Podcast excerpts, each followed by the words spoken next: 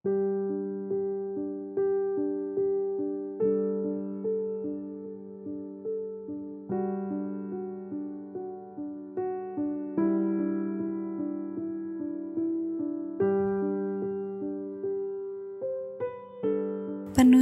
Saat Teduh Gereja Kristen Jakarta Senin 26 Februari 2024 dengan tema Digerakkan untuk Memberi Firman Tuhan terambil dari kisah para rasul 4 ayat 32 sampai 36 berkata demikian.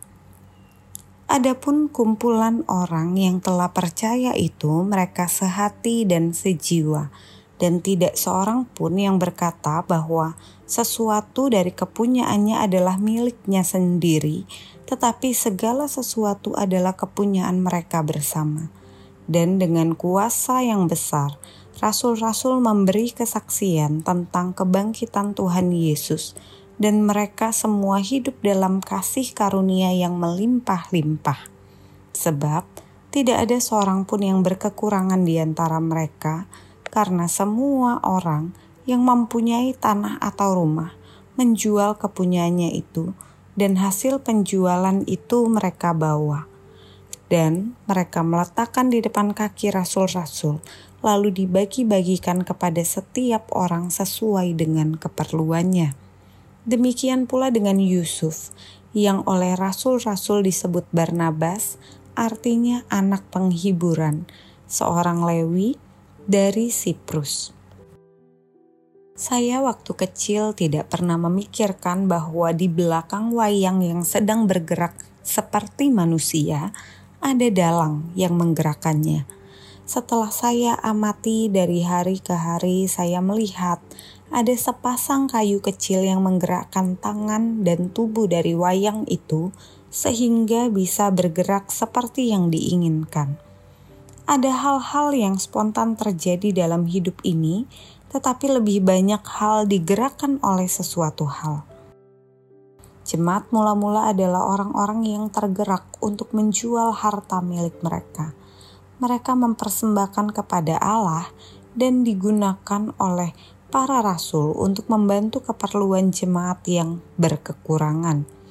Persembahan yang dibagikan sesuai dengan keperluan masing-masing ini adalah suatu tindakan yang unik dari jemaat mula-mula.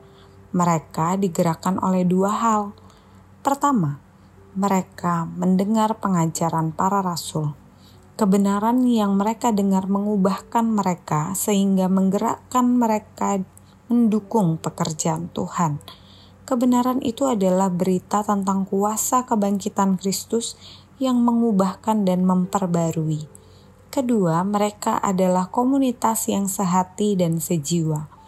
Kesatuan hati jemaat di dalam Tuhan terletak tidak hanya ketika mereka berdoa dalam keadaan sukar, tetapi juga ketika mereka mendukung pekerjaan Tuhan melalui pemberian mereka, menjual tanah, rumah, dan kepunyaan mereka dan mempersembahkan kepada pekerjaan Tuhan merupakan hal yang tidak lazim pada masa itu.